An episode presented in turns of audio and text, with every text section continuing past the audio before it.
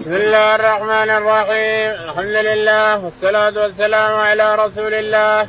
قال الإمام الحافظ أبو عبد الله محمد بن إسماعيل البخاري في صحيح باب الجريد على القبر. وأوصى بريدة الأسلمي أن يجعل في قبره جريدان. ورى ابن عمر رضي الله عنهما فصادا على قبر عبد الرحمن. فقال انزعوا يا غلام فإنما يضله عمله. وقال خارجة بن زيد رأيتني ونحن شبان في زمن عثمان رضي الله عنه وإن شدنا وثبتنا الذي يسب قبر عثمان بن مزعور رضي الله عنه حتى يجاوزه. وقال عثمان بن حكيم أخذ بيدي خارجا فأجلسني على قبر وأخبرني عن عمي يزيد بن ثابت قال إنما كره ذلك لمن أحدث عليه. فقال نافع كان ابن عمر رضي الله عنهما يجلس على القبور. قال رحمه الله دثنا يحيى قال حدثنا أبو معاوية عن الأعمش عن مجاهد عن طاووس عن ابن عباس رضي الله عنهما عن النبي صلى الله عليه وسلم أنه مر بقبرين يعذبان فقال إنهما ليعذبان وما يعذبان في كبير أما أحدهما فكان لا يستتر من لا يستتر من البول وأما الآخر فكان يمشي بالنميمة ثم أخذ جريدة رطبه فشقها بنصفين ثم غرز في كل قبر واحدة فقالوا يا رسول الله لم صنعت هذا فقال لعله أن يخفف عنهما ما لم ييبسا. بسم الله الرحمن الرحيم الحمد لله رب العالمين وصلى الله على نبينا محمد وعلى آله وصحبه أجمعين. يقول الإمام البخاري رحمه الله باب الجريد على القبر باب الجريد على القبر يعني وضع الجريد على القبر الجريد الرطب الجريده ما دامت رطبة ما دام رطبة فيسمى جريدة ويبست ما تسمى جريدة تسمى عودة وتسمى حاجة. الشهاده ما دامت رطبة تسمى جريدة هات جريدة النخلة يا فلان ما دامت رطبة. يقول رحمه الله. وأوصى بريدة الأسلمي أن يجعل اوصى بريدة الأسلمي أن يوضع جريدة في قبره. عندنا عند علماء السنة والجماعة أن الصحابي إذا عمل عمل ولا اتبعه أحد من الصحابة لا أنه مرفوض ما يعمل به. لأن الجريدة لا تعلم الإنسان أنت مغفور لك ولا انت مغفور لك. الرسول عليه الصلاة والسلام أوحي اليك أن هؤلاء القبر أن هذين القبرين يعذبان. يوحي إليه لأنه يوحى إليه. أنت ما يوحى إليك ولا تدري أنت في الجنة تعذب نفسك بجريدة ليش؟ وإن أو, أو في النار. الله أعلم. كذلك ميتك ما تدري هو مرحوم ويرفرف في الجنة أو غيره. فلا تفاءل على ميتك بأنه يعذب وأنه تابع جريدة. فما فعله صحابي وحده لا نعمل به. لابد أن يعمله الصحابة بأكملهم. ولهذا كثير من العلماء رفض حديث مالك بن الحويرث الذي يقول إنه يستريح استراحة. رفضوا لأنه ما عمل به أحد من أصحاب الرسول عليه الصلاة والسلام لا المهاجرون ولا الأنصار. عمل رواه مالك بن الحويرث وهذا كذلك. البيضة حط جريدة على قبره ما يرفض عمله. لأنه ما عمل به أحد من أصحاب الرسول عليه الصلاة والسلام. هذا قاعدة مضطردة عند علماء السنة والجماعة. ويقول ورأى ابن عمر رضي الله عنه فسطاطا على عبد الرحمن. ورأى ابن عمر عبد الله بن عمر رأى فسطاط يعني خيمة على قبر عبد الرحمن ابن أبي بكر الصديق رضي الله عنه. فقال شيلوها إنما ينجي الإنسان أو يزكي الإنسان أو يطهر الإنسان عمله. إذا كان عمله صالح ولا حاجة لا فسطاط. تظلون به ولا حاجة تحطون عليه خيمة ولا حاجة تحطون شيء. إنما يقدس الإنسان عمله. العمل هو اللي يقدسك الإنسان؟ سواء كذا ولا كذا ولا عنوبه كذا ولا عنوبه كذا. نعم. وقال خالد بن زيد رأيتني ونحن شبان في زمن عثمان رضي الله عنه وإن أشدنا وثبتا الذي يصيب قبر عثمان يقول البخاري وقال خالد بن زيد بن ثابت رضي الله عنهم يقول رأيتنا ونحن شببه أيام عثمان بن عفان هو الخليفة. يقول نقفز قبر عثمان بن مضعون لطوله طويل مرة طويل. نقفزه يقول نقفز نجري نجري نجري نجري. ثم نقفزه ونتحداه هناك هذا معناه ذكر القبر فقط. الشاهد من القبر هنا أنه ذكر القبور ذكر القبر. ولا ما هناك ما هي مناسبة في كونهم يقفزون القبر. ما في مناسبة. إلا أنه ذكر القبر هنا وأنهم يقفزون القبر. وسيأتي أن الجلوس على القبر. يعني ذكر القبر هو المناسبه للترجمة نعم. وقال عثمان بن حكيم أخذ بيدي خارجا فاجلسني على قبر وأخبرني عن عمه يزيد إنما كره ذلك لمن أحدث عليه. يقول قال عثمان بن حكيم. عثمان بن حكيم أخذ بيده خارجة بن زيد. خارجة بن زيد بن ثابت رضي الله تعالى عنهم فاجلسني على قبر. فاجلسه على قبر. وقال إنه حدثه يزيد أخو عن عمه يزيد بن ثابت. عن عمه يزيد. إنه يقول إن الجلوس على القبر يعني جاءنا حديث لأن يجلس أحدكم على جمرة حتى تخلص ثيابه وتخلص إلى جلده خير من أن يجلس على قبر. يقول هذا الحديث معناه أنك تجلس على القبر أما لبول أو غائب وأما أنك تجلس عليه لحاجة فلا شيء فيه. هذا رأي لكن الحديث الحقيقة أنه عام. ما يجوز الجلوس على القبر ولا ولا المشي عليه في المدس إلا إن كان لحاجة. مكشوف ولا حجارة ولا شيء ولا ما يمكن تجلس على قبر الحديث عام ما أقصد له إلا البول ولا صحيح إن الإنسان ما يتبول على بول على قبر ولا يتغوط على قبر هذا صحيح وممنوع كشف العورة عند القبور أيضا وأما انه أنه يختص بالبول والغائب فلا أعتقد نعم. وقال إنما كره ذلك لمن أحدث عليه.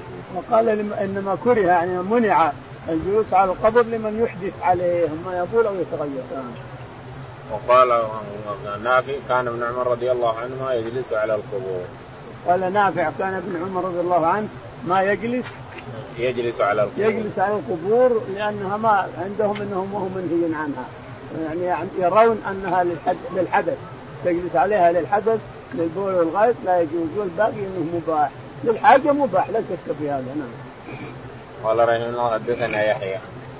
يقول رحمه الله حدثنا يحيى قال حدثنا أبو معاوية. أبو معاوية الضرير قال عن الأعمش. عن الأعمش قال حدثنا مجاهد. مجاهد قال عن طاووس عن ابن عباس. طاووس عن ابن عباس رضي الله عنهما قال ابن عباس نعم. النبي صلى الله عليه وسلم مر بقبرين يعذبان وقال انهما لا يعذبان النبي عليه الصلاة والسلام مر بقبرين يعذبان وقال يعني يوحي أوحي إليه اذا سمع صياحهما.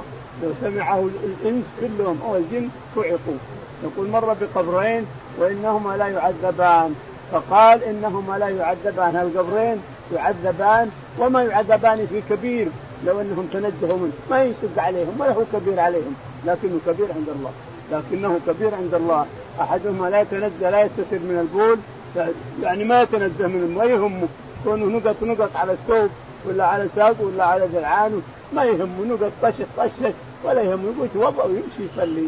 لكن هذه النقط اللي نقطت وتركتها ما تصلها هي اللي عذب فيها بقدره نعوذ بالله. لا يستتر من البول يعني لا يتنزه لا يتنظف من البول أو لا يستتر أنه يقعد على الحمام ولا يستتر منه. هذا تفسير. والتفسير الصحيح أنه لا يتنزه من البول لا أنه لا يستتر. يعني على الناس الانسان ما هو مستتر هو على الحمام. لكن الستار والتنزه التنظف والتنزه الا يمس ثوبك شيء ولا يمس سيقانك ورجولك شيء الإنسان. غسلها. حتى لو مسها لو انه طشطش وراح كساج خفيف تغسل اللي مسه تغسله الإنسان لئلا تعذب في قبرك. أما الثاني فكان يمشي بالنميمة. نعوذ بالله. النميمة اللي تفسد بين الناس. يمشي بهذا ويمشي بهذا. وينم بهذا وينم بهذا حتى يورث القطيعه بين المسلمين والوقيعة بين المسلمين سواء كان بين رجل ورجل أو رجل وامرأة أو زوج وزوجة أو قبيلة وقبيلة. كل عام هذا يمشي بالنميمة نعم. ثم أخذ جريدة رفضا ثم عليه الصلاة والسلام أخذ جريدة فشقها نصفين. هذا جريدة ومعه سكين فشق الجريدة نصفين. يعني ما ما قطعها بالنص من كذا. هنا علشان لا تيبس سريعه لو قطعها بالنص يبست سريع لكن شقها اثنين ثم حط على هذا وصلة. على هذا وصلة. نصفها هنا ونصفها هنا. فقيل يا رسول الله ما معنى هذا؟ وما الحكم من هذا؟ قال لعله أن يخفف عنهما ما لم تيبس الجريدتين هذه. هذه تيبس هذه لأنها اذا يبست ماتت. تعتبر الشجر إذا يبس تحت ورقه وتحت اعضائه معناها أنه يبس خلاص ماتت. ما دامت رطبة فتسبح لرب العالمين. حتى الشجر يسبح ما دام رطب الشجر والحيوانات وغيرها تسبح. فإذا يبست معناها إنها ماتت خلاص ماتت باب موعظة المحدث عند القبور قعود أصحابه حولة. أن التسبيح غيرك ينفعك الإنسان. إذا صار قريب منك أو دعاء يدعو لك أخوك المسلم أو يسبح لك غيرك أو يدعي لك غيرك. أو يسبح لك شيء من الحيوانات أو يسبح من الجرائد أو يسبح لك حاجة أنه ينفعك الإنسان في القبر. ينفعك في قبرك الإنسان لأن هذا قال يسبحان لهما ما لم يلبسا. فمعناها أن تسبيح الجريدة تسبيح هذا وتسبيح هذا وتسبيح هذا. يسبحون لك الإنسان إذا حتى الغسل الغسل اللي تزيله من من الطريق يسبح لك الإنسان حتى تدخل الجنة. نعم. باب موعظة المحدث عند القبر وقعود أصحابه حوله. يخرجون من الأجداث الأجداث القبور بعثرت أثيرت بعثرت بعثرت حوضي. اي جعلت أسفله وأعلاه. الايفاض والإسراء. وقرا الأعمش إلى نصب إلى شيء منصوب يستقبلون إليه. والنصب واحد والنصب مصدر. يوم الخروج من القبور ينسلون يخرجون. قال رحمه الله حدثنا عثمان قال حدثنا جرير بن منصور عن سعد بن عبيدة عن أبي عبد الرحمن عن علي رضي الله عنه قال كنا في جنازة في بقيع الغرقد فأتانا النبي صلى الله عليه وسلم فقعد وقعدنا حوله ومعه مخصرة فنكس فجعل ينكت بمخبرته ثم قال ما منكم من أحد ما من نفس منفوسة إلا كتب مكانها من الجنة والنار وإلا قد كتب شقي أو سعيد. فقال رجل يا رسول الله أفلا نتكل على كتابنا وندعو العمل؟ فمن كان منا من أهل السعادة فسيسير إلى عمل أهل السعادة. وأما من كان منا من أهل الشقاوة فسيسير إلى عمل أهل الشقاوة. قال أما أهل السعادة فييسرون لعمل السعادة وأما أهل الشقاوة فييسرون لعمل الشقاوة. ثم قرأ فأما من أعطى واتقى الآية. يقول البخاري رحمه الله باب موعظة المحدث عند القبر المحدث أصحابه إذا كانوا حوله. حوله يجلسون حوله وهو يعظهم ويرشدهم ويوجههم. يقول رحمه الله حدثنا؟ وقعود اصحابه حوله عند القبر. وقعود اصحابه حوله عند القبر نعم. يخرجون من الاجداث الاجداث القبور. يقول تعالى يخرجون من الاجداث كأنهم جراد منتشر. الاجداث القبور لا شك جدت القبر نعم. بعثرت أثيرت. بعثرت أثيرت طلعت من الأرض. أثيرت طلعت من الأرض نعم. قال الإيفاض الإسراع. الإيفاض الإسراع وقد يكون الإنسان يقول بعثر الحوض يعني حط أسفله على صبوا حط أسفله بالماء.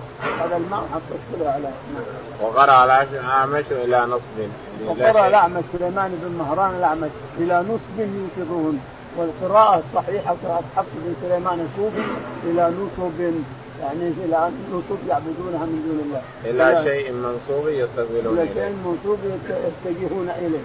إلى نصب يوفضون ولا مشهور إلى نصب إلى نصب يوفضون كل واحد والنصب واحد والنصب مصدر يعني. النصب واحد والنصب مصدر نصب ينصب نصبا مصدر نعم. يوم الخروج من القبور ينسلون يخرجون. يوم الخروج من القبور ينسلون. كأنهم إلى آه إلى ننصب يوقظون. أراد ينسلون. ينسلون يخرجون. يخرجون. النسل يعني ينسلون من قبورهم. يخرجون منها يخرجون منها النسل هو الخروج نعم. قال حدثنا عثمان بن أبي شيبة. قال عثمان بن أبي شيبة. قال حدثنا جرير. جرير. قال عن منصور. عن منصور. قال حدثنا سعد بن عبيدة. سعد بن عبيدة.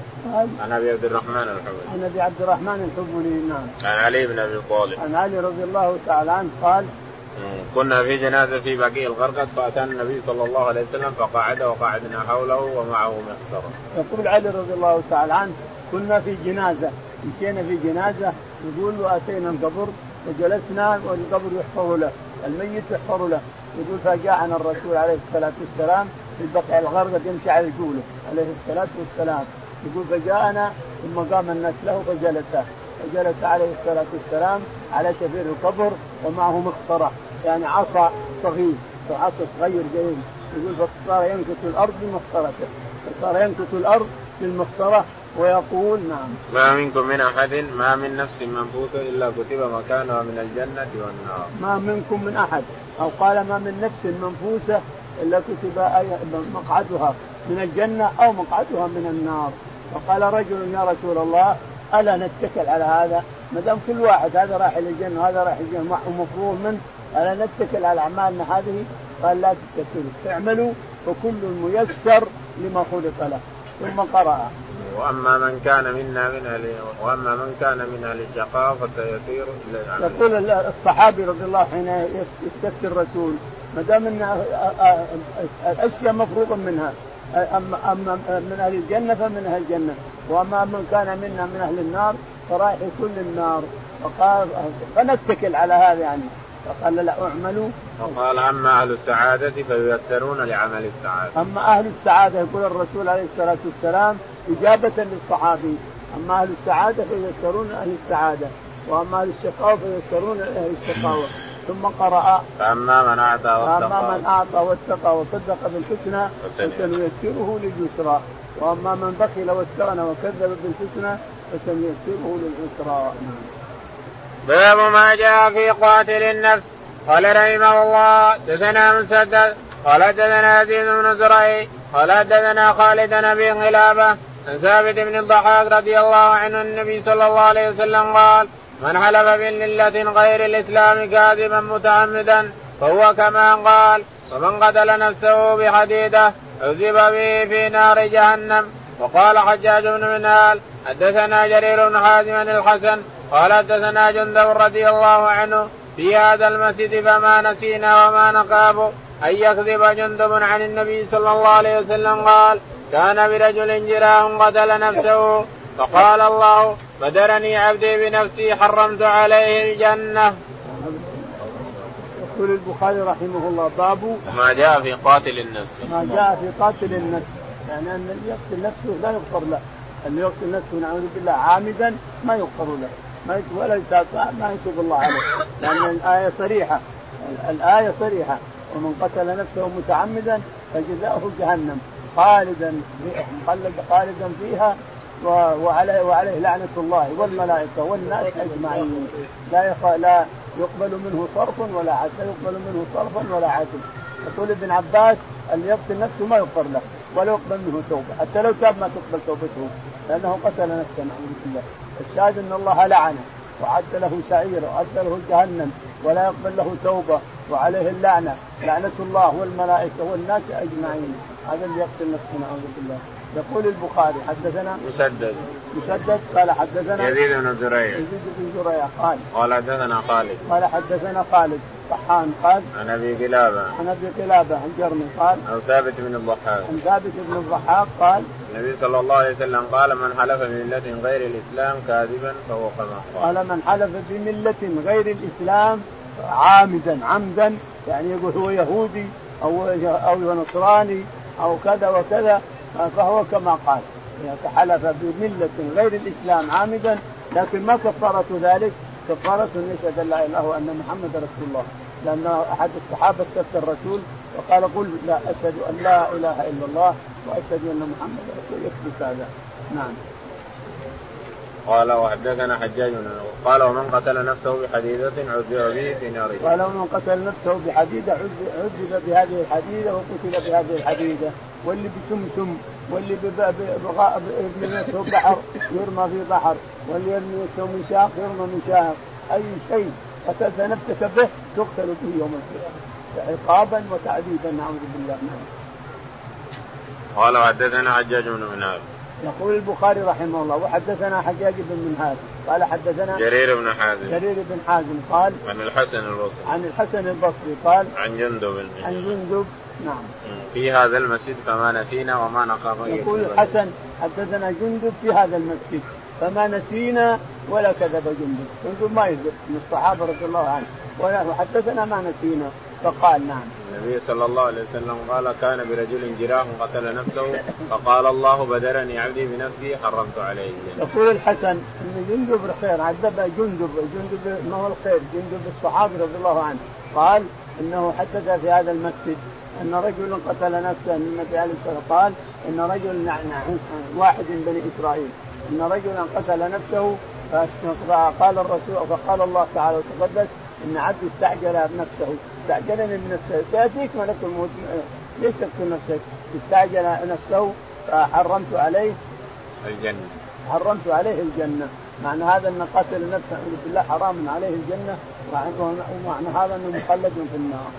قال كان برجل جراح قتل نفسه فقال الله بذرني عبدي. كان برجل جراح واستعجل لأن هذته الجراح.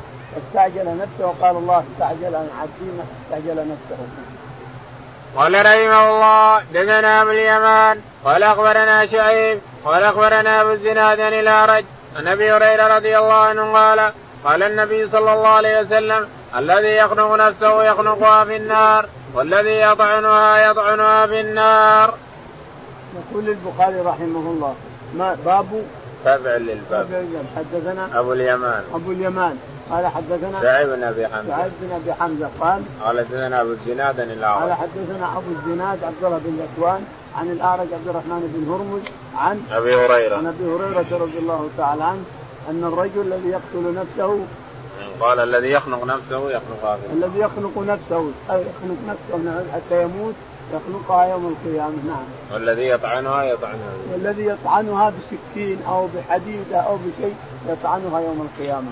تعذيبا له نعوذ بالله نعم.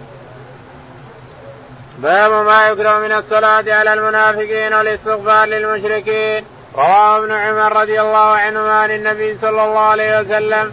قال رحمه الله دثنا يحيى بن بكير. قال دثنا الليث عن عقيل عن ابن شهاب عن عبيد الله بن عبد الله عن ابن عباس عن عمر بن الخطاب رضي الله عنه أنه قال لما مات عبد الله بن أبي بن سلول دعي له رسول الله صلى الله عليه وسلم ليصلي عليه. فلما قام رسول الله صلى الله عليه وسلم وسبت إليه فقلت يا رسول الله أتصلي على ابن أبي؟ وقد قال يوم كذا وكذا كذا وكذا. وعدد عليه قوله. فتبسم رسول الله صلى الله عليه وسلم وقال اقرني يا عمر. فلما اكثرت عليه قال إني خيرت فاخترت لو أعلم أني زدت على السبعين فغفر له لزدت عليها. قال فصلى عليه رسول الله صلى الله عليه وسلم ثم انصرف ولم ينكث إلا يسيرا حتى نزلت الآيتان من براءة. ولا تصلي على أحد منهم مات ابدا إلى قولي وهم فاسقون. قال فعجبت بعد من جرأتي على رسول الله صلى الله عليه وسلم يومئذ. والله ورسوله أعلم. يقول البخاري رحمه الله حدثنا باب ما يكره من الصلاة على المنافقين. باب ما يكره من الصلاة على المنافقين والكفار وكل مشرك تعلم أنه مشرك يصلي عليه الإنسان. إذا قدم مثلا قدموه يدعي الإسلام وهو الناس ما يعرفون أنه أنه مشرك أو كافر أو منافق ما يعرفون. لأنه يدعي الإسلام. لا تصلي عليه إذا علمت بذلك ولا اشترط. اشترط اللهم إن كان مؤمنا فاغفر له وارحمه ما يضرك حينئذ. لأنك تشفع له الإنسان. الدعاء للميت شفاعة. فإذا كنت ما تدري أنه مشرك أو منافق أو كافر ما تدري. اشترط على الله ولك شرطك. اللهم إن كان مؤمنا فاغفر له وارحمه وعافه واعف عنه وأكرم نزله. يعني معنى أنه كان مؤمن فربك يقبل شفاعتك وإن لم يكن مؤمن فلا شفاعتك مردودة على كل حال. ما دام ما ما ما, ما تقبل الشفاعة فهي مردودة. يقول البخاري قال حدثنا يحيى بن بكير. حدثنا يحيى بن بكير قال حدثنا الليث بن سعد. الليث بن سعد. قال حدثنا عقيل بن خالد. عقيل بن خالد عن ابن شهاب. عن ابن شهاب الزهري قال عن عبيد الله بن عبد الله بن عتبة. عن عبيد الله بن عبد الله بن عتبة بن مسعود نعم. عن ابن عباس عن عمر بن الخطاب. عن, عن ابن عباس عن عمر بن الخطاب رضي الله تعالى عنه يقول عمر إن النبي عليه الصلاة والسلام لما مات عبد الله بن أبي بن سلول رأس المنافقين دعي للصلاة عليه. ولده يحبه الرسول عليه الصلاة والسلام فجاء قال يا رسول الله إن الأبعد قد مات فما ودي تصلي عليه. فحضر الرسول عليه الصلاة والسلام وصلى عليه ودعا له. وجاء عمر رضي الله عنه يا رسول الله صلي على رأس المنافقين. يا رسول الله رأس المنافقين صلي عليهم. يا رسول أخر عني يا عمر اخر ثلاث مرات يقول السنة الرابعة قال يا عمر إن الله خيرني خيرني بين أن أصلي أو ما أصلي. فقال استغفر لهم ولا تستغفر لهم. إن تستغفر لهم سبعين مرة فلن يغفر الله لهم. فأنا بزيد على السبعين. ربنا قال سبعين مرة أبزيد على السبعين؟ لعل الله أن يغفر أو شيء من هذا. يقول فصلى عليه الصلاة والسلام عليه وتنحى قليلا ولم يلبث إلا قليل أقل من القليل. إلا نزل قول الله تعالى. ولا تصلي على ولا تصلي على أحد منهم مات أبدا ولا تقم على قبره. إنهم كفروا بالله ورسوله وماتوا وهم كافرون. فعجبت بعد من يقول عمر فعجبت بعد لجرأتي على الرسول عليه الصلاة والسلام. إنسان يوحى إليه من السماء يعطى آيات من السماء يوجه من السماء أقوم أنا وأجره إي نعم. انت انت جاء القرآن بموافقتك يا عمر. نعم. نزلت الايه بموافقه ما تقول يا عمر. وكم من آية نزلت برأيك يا عمر. نعم. كل ما حدثت الرسول بشيء أو منعته عن شيء جاء موافقة لك أنت.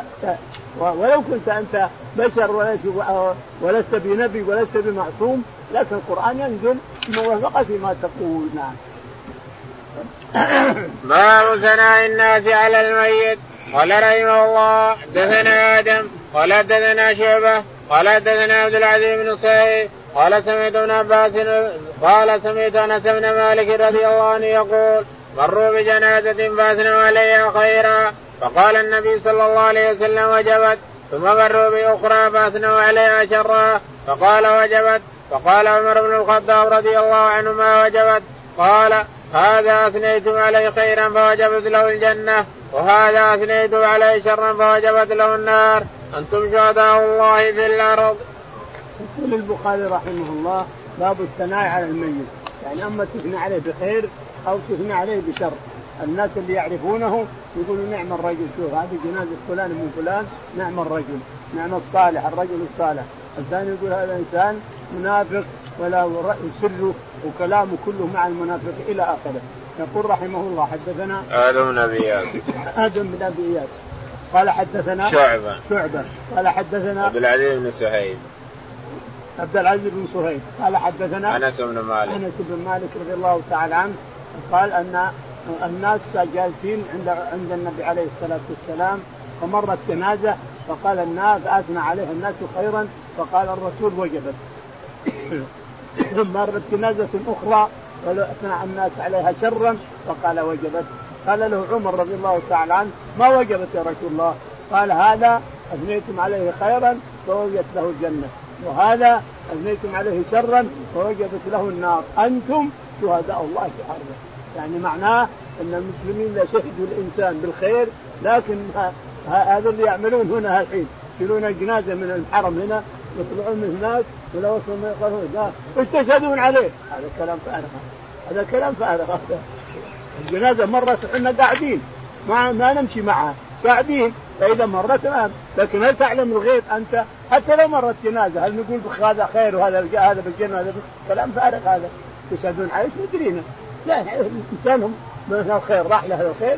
من الشر راح له الشر. والناس ما, ما يعرفون شو. الرسول عليه الصلاة والسلام يوحى إليه. هذا شهدتم عليه بالخير فله الجنة وهذا شهدتم عليه بالشر فله النار. أما ان يستقرون يستشهدون عليه يا جماعة هم يمشون هذا كله من البدع التي أحدثها الناس. نعم. قال رحمه الله دثنا عبان بن مسلم قال دثنا داود بن أبي الفرات عن عبد الله بن بريدة عن أبي الأسود رضي الله عنه قال قدمت ثم انشا يحدثنا حتى اتى ذكر بناء حتى اتى ذكر بناء المسجد. فقال كنا نحمل لبنة لبنة وعمار رضي الله عنه لبنتين لبنتين. فرآه النبي صلى الله عليه وسلم فينفض التراب عنه ويقول ويح عمار تقتل الفئة الباقية. يدعوه من الجنة ويدعونه إلى النار. قال يقول عمار أعوذ بالله من الفتن. يقول البخاري رحمه الله باب تابع لثناء الناس على الميت. باب ثناء الناس ثناء الناس عليه يقول حدثنا عفان بن مسلم. عفان بن مسلم قال حدثنا داود بن أبي الفرات. داود بن أبي الفرات قال حدثنا عبد الله بن بريدة. عبد الله بن بريدة قال عن أبي الأسود. عن أبي الأسود قال بن الحارث قال قال قدمت ثم انشا يحدثنا حتى أتى ذكر يقول قدمت يعني هو تلميذ علي الذي سوى النحو. ظالم سوى النحو بأمر من علي رضي الله عنه. اعمل كذا واعمل كذا واعمل كذا حتى وصل إلينا النحو مصفى. لأنه سمع ابنته أمير المؤمنين. يقول لعلي كان أمير المؤمنين. أبو الأسود يقول لعلي يا أمير المؤمنين. ابنتي ضاعت العربية. اللغة العربية ذلك سمع ابنته تقول ما أحسن السماء. الله. نجومها يا بنتي. قالت لا. الله الله الله أنت تعجبين من السماء. ولا من النجوم؟ قالت لا من السماء. اذا ضاعت العربية. لازم التعجب منصوب ما أحسن السماء ضروري. ما أحسن السماء نجومها قالت لا. تريدين السماء؟ قالت نعم. قال اذا ضاعت العربية. فذهب وقال يا أمير المؤمنين أدرك أمة محمد فإن العربية ضاعت. قال اكتب انحو قال اكتب الكلمة كذا والحرف كذا والفعل كذا وكذا وكذا وكذا. وانحى على هذا النحو. فسمي النحو. سمي الكلام العربية نحو. وما أحسن مقدمة الجروميه مقدمة الجروميه إذا حفظتها الإنسان ما تحتاج إلى كتب نحو اطلاقا. أول كلام فيها مقدمة إلى الفصل. إذا وصلت الفصل خلاص. اقرأ المقدمة واحفظها وافهم ما فيها. ولا تحتاج إلى الكتب الطويلة العريضة هذه ما تحتاج إلى شيء اطلاقا. يصير على طول نحوي وتعرف النحو يا انسان وتفهمه بهذه المقدمة وهي بركة بإذن الله. لمن قرأها هي والرحبية. إذا قرأت الرحبية في الفرائض وحفظتها تماما صرت فرضي وهي بركة بإذن الله. الشاهد يقول ظالم ان ان إنه جلس يحدثنا ثم. حتى أتى ذكر بناء المسجد. حتى أتى على بناء المسجد. فقال إن عمار بن ياسر رضي الله تعالى عنه كان عمرو بن عاص عمرو بن عاص مع معاوية وعبد الله مع أبيه. لما قتل عمار وقيل ان عمار قال الله ما أجدني أبي إلا راجع. لا أجدني إلا راجع. قال لي قال لي سمعت الرسول يقول ويح عمار تقتله الفئه الباغية. فمعناها أنكم أنتم البغاة. أنتم البغاة أنتم اللي قتلتوه فقال معاوية قتله لأخرجه. اسمع. قال قتله شوف الفلسفة. قتله الذي أخرجه. اللي أخرجه اللي قتله قال علي رضي الله عنه. اذا حمزة حمزة قتله الرسول عليه السلام لأنه حمزة اللي أخرجه الرسول. شوف الجواب عليه رضي الله عنه وأرضاه. ملهم بالجواب علي رضي الله عنه. ما دام قال أخرج عمار أنا يا علي وحنا معناها أن حمزة رضي الله عنه قتله النبي لأنه هو اللي أخرجه. الله نعم الرد هذا نعم الرد المقنع المفحم نعم. باب الاستعانة بالنجار والصناع في عواد المنبر والمسجد قال رحمه الله دثنا قتيبة قال دثنا عبد العزيز عن أبي هادم سال رضي الله عنه قال بعث رسول الله صلى الله عليه وسلم إلى امرأة مري غلامك النجار يعمل لي اعوادا أجلس عليهن. يقول البخاري رحمه الله باب الاستعانة بالنجار والسباك والحداد والبنا تستعين الانسان به تعال فلان ابن لي كذا ولا اعمل لي كذا واعمل لي كذا تعال فلان. لكن هنا اليوم ظاهرة لا أعتقد إنها تجوز ولا تحل للناس يعملونها.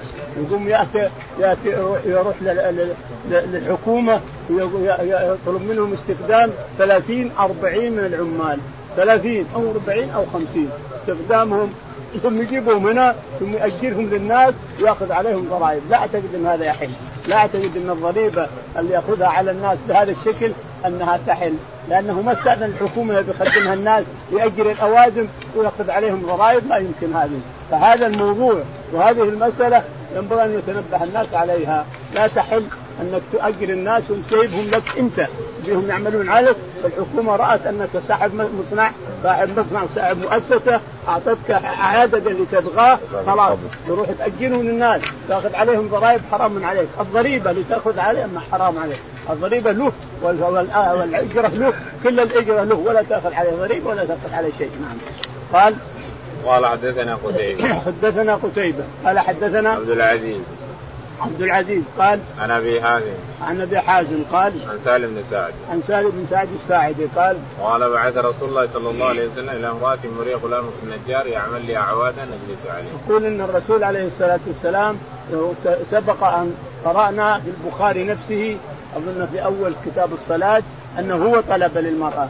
قال مري غلامك صنع لي منبرا من الخشب.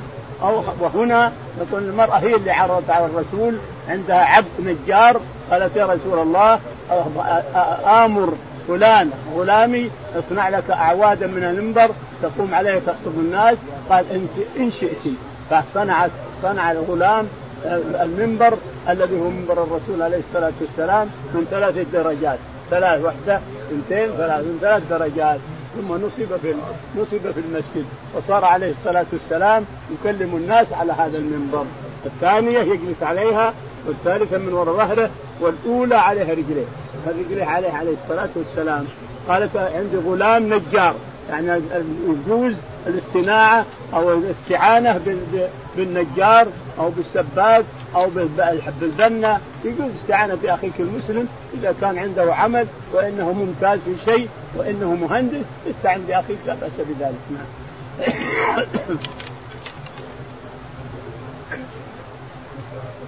اختلفت ليش نسخة اختلفت علينا. ها؟ نسخة اختلفت علينا. حق بدر ثاني ما في نسخة اللي قرأ الآن. طيب والناس معهم ومعهم نسخ هذا غير كل هذا ما لا كل الطلبة معهم جدو ثاني؟ لا نسخته نسخته بس. نسخة طيب ياخذ غيرها من واحد من الطلبة. عارية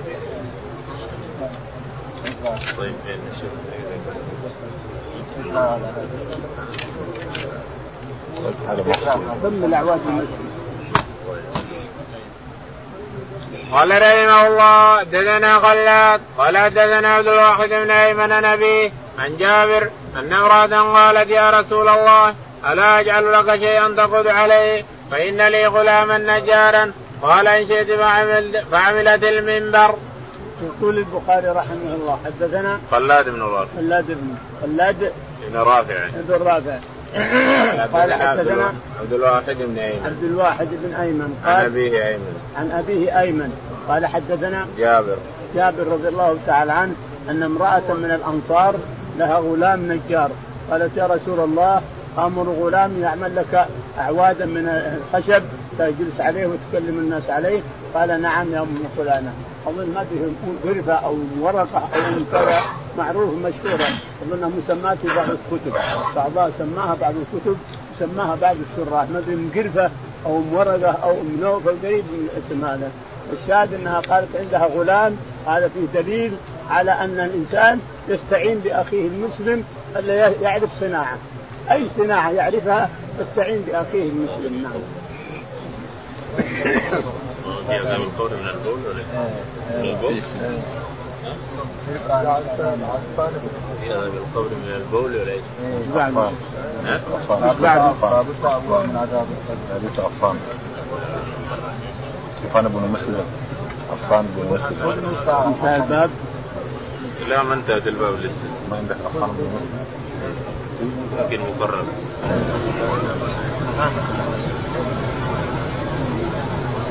عفان بن مسلم.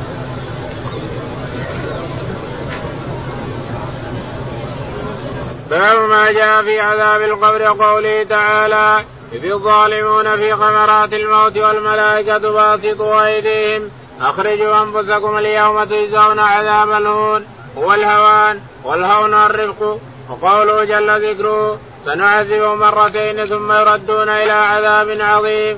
وقوله تعالى وحاق بآل فرعون سوء العذاب. النار يعرضون عليها غدوا وعشيا ويوم تقوم الساعة أدخلوا آل فرعون أشد العذاب.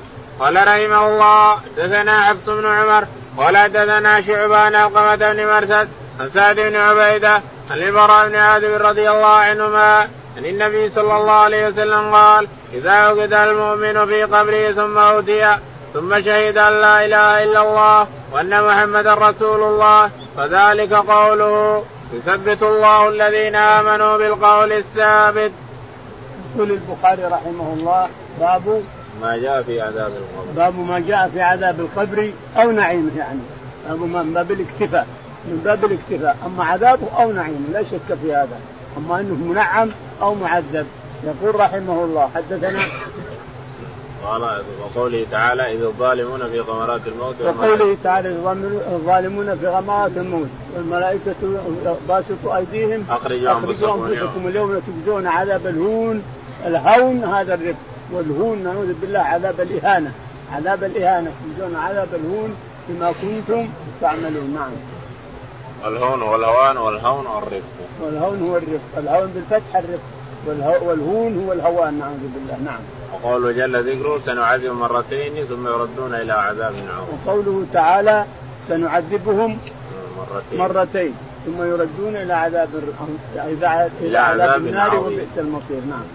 وقوله تعالى وحاق بآل فرعون سوء العذاب وقوله تعالى وحاق بآل فرعون أشد العذاب النار يعرضون عليها غدوا وعشيا. هذا فيه الرد على الجهمية والمعتزلة اللي يقولون النار والجنة ما خلقا إلى الآن. لا يخلقون إلا بعدين. لما تبوا الناس وبعثوا خلقت الجنة والنار. طيب ربنا يقول فرعون الآن يعذب. وأنتم تكذبون بالقرآن يا أشعرية أو يا معتزلة؟ يقول النار يعرضون عليها. غدوا صباح ومساء. غدوا وعشيا. ويوم القيامة أدخلوا آل فرعون أشد العذاب. عاد يوم القيامة هناك عاد بالله إدخال العذاب. أما الآن يعذب في قبره. ما وصل النار إلى الآن يعذب في قبره بجهنم. بأعمال جهنم. ما وصل النار. بعد يوم القيامة. ويوم القيامة أدخلوا آل فرعون أشد العذاب لأنهم أشد عصاة على الله تعالى وتقدس يدعي الربوبية ويظلم الناس ويقتل الذكور ويحيي الموت ويحيي يقتل الذكور ويحيي الإناث إلى آخره. يعني أدخلوا آل فرعون أشد العذاب. لكن الآن النار يعرضون عليها غدوا وعشيا فالنار والجنة مخلوقتان منذ أن خلق الله السماوات والأرض. ومن أنكر هذا فهو ملحد. اللي ينكر كلام الله تعالى وتقدس أو أو بعضه أو شيء منه فهو ملحد. نعوذ بالله. يخرج من الجهنم يخرج من النار من يخرج من الإسلام. نعم. قال في تتمة الحديث الأول هنا فقال أبو الأسود وقلت وما وجهت يا أمير المؤمنين؟ قال قلت كما قال النبي صلى الله عليه وسلم أيما مسلم شهد له أربعة من خير أدخله الله الجنة. هذا حديث يعني نقصناه وهو أن عمر رضي الله عنه مرت به جنازتين قال هذا في الجنة هذا في النار فقال له أبو الأسود ما هذا يا أمير المؤمنين قال قلت كما قال الرسول مر عليه بجنازة فقالوا فقال الرسول فقال الرسول قال فلان بن فلان أثنوا عليه ثم مر بثانية فأثنوا عليه فقال هذا وجبت وهذا وجبت. فقال عمر بن الخطاب ما وجبت؟ قال وجبت له الجنة لأن شهدوا له بالجنة. وهذا وجبت النار لأنه شهدوا بالنار. أنتم شهداء الله في أرضه. هذا أبو الاسود الظالم هو الذي سأل أمير المؤمنين عمر بن الخطاب بعد ما ما مات الرسول عليه الصلاة والسلام. نعم.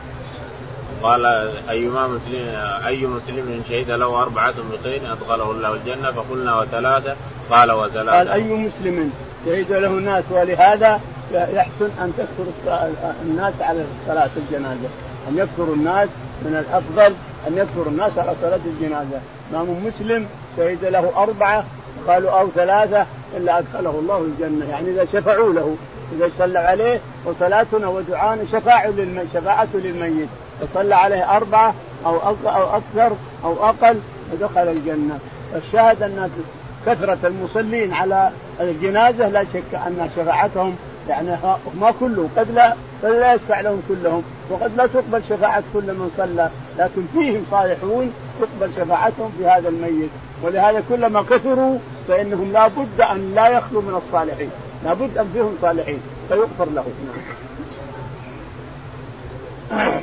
قال حدثنا حفص بن عمر. يقول حدثنا حفص بن عمر قال حدثنا شعبة. شعبة قال حدثنا علقمة بن مرثد. علقمة بن مرثد قال عن سعد بن عبيدة. عن سعد بن عبيدة قال عن البراء بن عازب. عن البراء بن عازب رضي الله عنه قال قال النبي صلى الله عليه وسلم قال إذا عقد العبد في قبره ثم أوتي يشهد أن لا إله إلا الله أن محمد رسول الله. فذلك قوله يثبت الله الذين آمنوا يقول إن الإنسان إذا أقعد في قبره أول ما يتوفاه الله تعالى وتقدس يأتي الملك ويتوفاه فإذا توفاه الملك حضرت ملائكة الرحمة وحضروا معهم حرير من الجنة. يحضرون الملائكة الرحمة تحضر هذه الجنازة المسلم ويحضرون معه بحرير من الجنة ثم الناس يكفنونه والملائكة يكفنونه بحرير من الجنة ثم تحمله الملائكة معهم. هم يحملونه على الخشب والملائكة تحمله أيضا فحتى يأتي قبره. فإذا وصل إلى قبره أدخل في القبر وسوي عليه أقعد أقعد ملائكة السؤال. ملائكة العذاب أقعدوه ثم سألوه. ما تشهد أن لا إله وأن محمد رسول قالوا قال أشهد أن لا إله إلا الله وأشهد أن محمدا عبده ورسوله. قال فذلك قوله تعالى يثبت الله الذين آمنوا بالقول الثابت في الحياة الدنيا وفي الآخرة. ورد في الحديث أن الرسول عليه الصلاة والسلام قال اجلسوا قليلا فإنه الآن يسأل. اسألوا قال اسألوا له التثبيت اسألوا له الثبات فإنه الآن يسأل. ما جعل أي جنازة من الصحابة رضي الله عنهم اسالوا له الثبات فإنه الآن يسأل. يعني معناه أن الإنسان يسأل في قبره لا شك في هذا. وهو أول اختبار. أول اختبار اختبره ابن آدم. إن نجا أبشر. وكذلك الاختبار الثاني. الصراط إن نجا أبشر. هي اختبارين فقط. لكن هذه الاختبارين هي سعادتك أو شقاوتك قال رحمه الله دثنا محمد بن بشار قال دثنا غندر قال دثنا شعبة بهذا وزاد يثبت الله الذين آمنوا نزلت في عذاب القبر. يقول البخاري رحمه الله حدثنا محمد بن بشار بن دار قال حدثنا محمد بن جعفر غندر قال حدثنا شعبة قال حدثنا قال بهذا السند وزاد يثبت الله الذين بهذا السند وزاد يثبت الله الذين آمنوا بالقول الثابت في الحياة الدنيا وفي الآخرة. نزلت في عذاب القبر. نزلت يقول هذه الآية في عذاب القبر، نزلت يثبت الله الذين آمنوا بالقول الثابت في الحياة الدنيا يعني وفي القبر وفي الآخرة. قال رحمه الله دثنا علي بن عبد الله قال دثنا يثبت الله الذين آمنوا بالقول الثابت في الحياة الدنيا ما دام حي فهو مؤيد من رب العالمين. مؤيد لا يزل ولا يزيد ولا يغويها الشيطان محروس من رب العالمين. هذا تثبيت الله له وحراسته له في الدنيا. يثبت الله الذين آمنوا إيمانا خالصا لوجه الله تعالى وتقدس ما يعرف التوحيد ويعرف الشرك يعرف أقسام التوحيد الثلاثة ويفهمها طيبا. ويفهم الشرك الثلاثة ويفهمها طيب فيعمل بهذه ويستبعد عن هذه. حينئذ يثبته الله في في هذا. ويرى أنه يعبد الله تعالى وتقدس على طريقة مثل الشمس. على طريقة مثل الشمس. لا ظلام فيها. مثل الشمس. لأن الرسول عليه الصلاة والسلام قال تركتكم على المحجة. طريقة. بيضاء ليلها كنهارها. لا يزيغ عنها إلا هالك. محجة بيضاء ما فيها ظلام اطلاقا. لا يزيغ عنها إلا هالك. فاللي ينحرف يمنه وينحرف يسره هذا هالك بلا شك. امسك الطريق الطريق وامشي عليه حتى تصل. في الطريق وسم واجعل نفسك الإنسان في عقيدتك وتوحيدك ومشيك إلى ربك على مثل الشمس البيضاء اللي ما فيها سحاب. لا هذه عقيدتي أنا مثل الشمس أمشي على مثل الشمس. لا يمكن إن شاء الله أن أزيغ عنها ولا حد يفتن عنها ولا فلان ولا فلان ولا كذا ولا كذا. يجيك واحد يقول لا البكري أحسن التيجاني أحسن الصوفي أحسن الجيلاني أحسن البدوي أحسن الفلان أحسن. هذا هذا كله نعوذ بالله كما أخبر يمنة على رأس كل خط. لما خط خطا مستقيم قال هذا صراط الله المستقيم. ثم خطا خطا يمنه ويسره وقال على رأس كل خط من هذه الخطوط شيطان من الإنس يدعو إلى جهنم. على رأس كل خط هذه الخطوط هذا الصراط مستقيم مثل الشمس أبيض ما فيه ظلام. مستقيم حتى تصل إلى ربك الإنسان.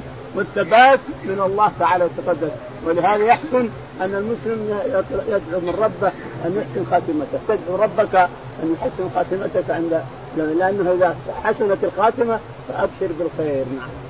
قال رحمه الله دثنا علي بن عبد الله قال دثنا أبو بن إبراهيم قال دثني أبي عن صالح قال دثني نافع ان ابن عمر رضي الله عنهما أخبره قال اطلع النبي صلى الله عليه وسلم على أهل القليل فقال وجدتم ما وعد ربكم حقا فقيل له تدعو أمواتا فقال ما أنتم بأسماء منهم ولكن لا يجيبون.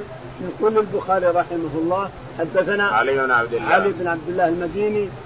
قال حدثنا يعقوب بن إبراهيم. حدثنا يعقوب بن إبراهيم. عن أبيه إبراهيم. عن أبيه إبراهيم قال عن صالح بن كيسان. عن صالح بن كيسان قال عن نافع عن ابن عمر. عن نافع عن ابن عمر أن النبي عليه الصلاة والسلام جاء إلى أهل القليب بعد ما رموا بالقليب من أهل بدر. الصناديد قريش. لما قتلوا رموهم الناس في القليب فوقف على رأس القليب وقال هل وجدتم ما وعد ربكم حقا؟ فقالوا يا رسول الله جثث ميتة قال ما أنت؟ بأسمى أنتم بأسمع لما أقول منهم. عائشة أنكرت هذا الكلام. لكن ما علينا من إنكار عائشة رضي الله عنها وأرضاها فقال تستدل بقوله تعالى وما أنت بمسمع من في القبور. هذا غير القبور غير القليب. غير القليب؟ نعم الرسول ما يسمع أحد. من الموتى لا يمكن يسمع أحد. لكن القليب سمعوا بلا شك ولا ريب. القليب سمعوا لا بلا شك وردوا عليه. قال ما أنتم بأسمع لما أقول منهم. سمعوا كلام الرسول وردوا على الرسول. نعم وجدنا ما وعدنا ربنا حقا. نعم. ولكن لا يجيبون. ولكن لا يجيبون لأنهم موتى. نعم. قال رحمه الله دثنا عبد الله بن محمد قال دثنا سفيان بن هشام بن عروة عن أبي أنا عائشة رضي الله عنها قالت إنما قال النبي صلى الله عليه وسلم إنهم ليعلمون الآن ان ما كنت أقول حق وقد قال الله تعالى إنك لا تسمع الموتى. يقول البخاري رحمه الله حدثنا علي بن عبد الله. علي بن عبد الله المديني قال حدثنا عبد الله بن محمد. عبد الله بن محمد قال قال حدثنا سفيان. حدثنا سفيان قال حدثنا هشام بن عروة. هشام بن عروة. عن عن عروة عن عائشة رضي الله تعالى عنها تقول إنما قال النبي صلى الله عليه وسلم إنهم لا يعلمون الآن. إنما قال النبي طيب أنت بالمدينة. ولا حكى الحكي عنده بين يديه. وأنت بالمدينة كيف تنقلين الكلام. تكذبين الصحابة أو تتهمينهم النبي ما قال ما قال يعني ما ما أنتم بسعى إنما قال إنما يجيبونه. إنهم لا يعلمون الآن ان ما إنهم لا يعلمون الآن أن ان ما قلت لهم حقا. هذا هذا صرف عن كلام الرسول عليه الصلاة والسلام. فأصحاب الرسول من المهاجرين والأنصار نقلوا إلى أمة محمد أن الرسول عليه الصلاة والسلام أسمع من في القبور بلا شك ولا ريب. القبور خاصة أسمعهم. قال هل وجدتم ما وعد ربكم حقا؟ قالوا نعم. فأجابوا نعم. أما غير أهل القبور فلا يسمع ويقول تعالى وما أنت بمسمع من في القبور. أما عائشة رضي الله عنها فلها شهادات خاصة لها رضي الله عنها وأرضاها وعن أبيها وأمها وإخوانها وأخواتها. اللهم صل على محمد. اللهم اغفر لنا اللهم توفنا مسلمين. وألحقنا بالصالحين. يا رب العالمين. الله